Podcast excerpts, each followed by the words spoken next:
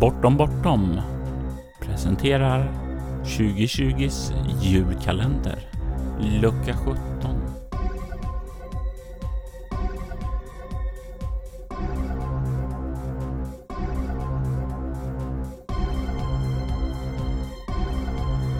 Bakgrundsmusiken i detta avsnitt gjordes av Derek and Brandon Fichter och vignettmusiken gjordes av Robert Jonsson. Hej och välkommen till dagens lucka av Bortom Bortoms julkalender. Jag heter Anna Erlandsson, jag är feminist och multinörd och jag vill berätta om ett minne som rollspelen har gett mig. Det minne som jag har valt är faktiskt den allra första gången jag provade på rollspel, för det har stannat med mig väldigt starkt. Jag tror jag var en 17 år och jag var på ett skrivar-, musik och sångläger ute i Halland vid Åsa. Och det var en av de sista kvällarna. Vi bodde tillsammans väldigt många ungdomar från olika delar av Norden. Vi var från Sverige, Island, Danmark, Färöarna bland annat. Och jag delade rum med fyra andra flickor. Och vi låg och pratade som man gör. Och så sa en av flickorna, vi borde spela rollspel. Och vi andra var lite skeptiska för även om jag kände till live sedan innan och var en väldigt mycket fancy nörd så hade jag inte provat på rollspel innan. Ingen av de andra flickorna hade riktigt hört om det. Men vi alla kände att jo, men varför inte? Dock när vi satte oss upp och skulle börja spela i rummet så kom en av ungdomsledningen och sa att klockan är nästan midnatt, ni måste lägga er, ni stör om ni sitter och pratar för mycket. Och såklart, det ville vi inte göra.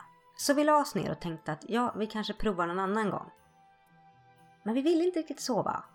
Och då sa tjejen igen, men vi kan ju klättra ut på taket och spela för då stör vi ingen. Och det var en idé som kändes jättesmart då, kanske mindre smart idag. Men vi bodde på andra eller tredje våningen och precis utanför rummet så var det ett platt tak som gick till våningen nedanför.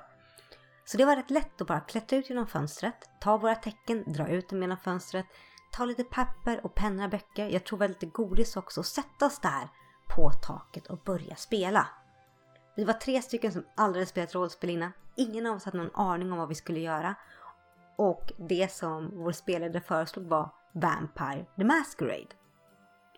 Och vi tyckte ja, men Vampire är nice. Vi känner till Intervju the Vampire och det här kan vi nog spela, tyckte vi och började spontant bygga karaktärer. Väldigt, väldigt tyst för vi fick ju fortfarande inte väcka någon.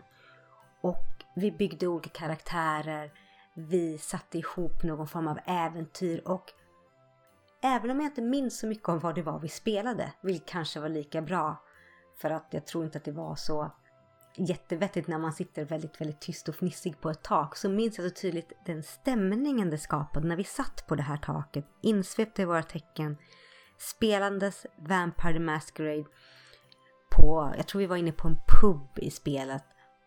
Med den här fantastiska utsikten som vi hade över hela havet med fullmånen lysande ovanför oss och hörde det här ljudet av både vågorna som slog mot klipporna nedanför, vinden och det skickades runt det här med godiset och chips och dricka och bara verkligen försökte vara så tysta möjligt samtidigt som vi kände den här otroliga gemenskapen som hade byggts på under en vecka av att vi hade gjort saker tillsammans men som nu verkligen kom till en otrolig kulmen att vi faktiskt kunde sitta där tillsammans och göra någonting annat än det som vi sysslade med på dagarna vilket var att sjunga och göra musik. Vi gjorde någonting som alla kände sig riktigt investerade i utan att vi visste om att vi, utan att vi, visste om att vi skulle vara det.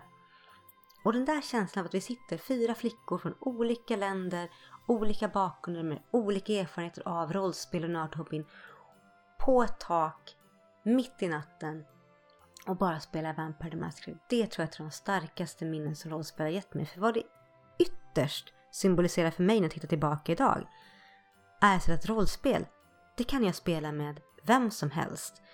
Hur som helst, när som helst. Jag behöver inte känna personen väl innan. Jag behöver inte vara superpigg eller jätteengagerad eller veta vad det ens gäller för rollspel.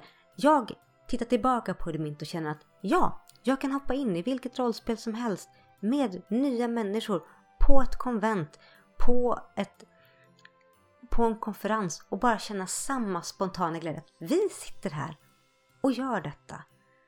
Och det är det jag tar med mig framförallt från mitt allra första rollspelsminne.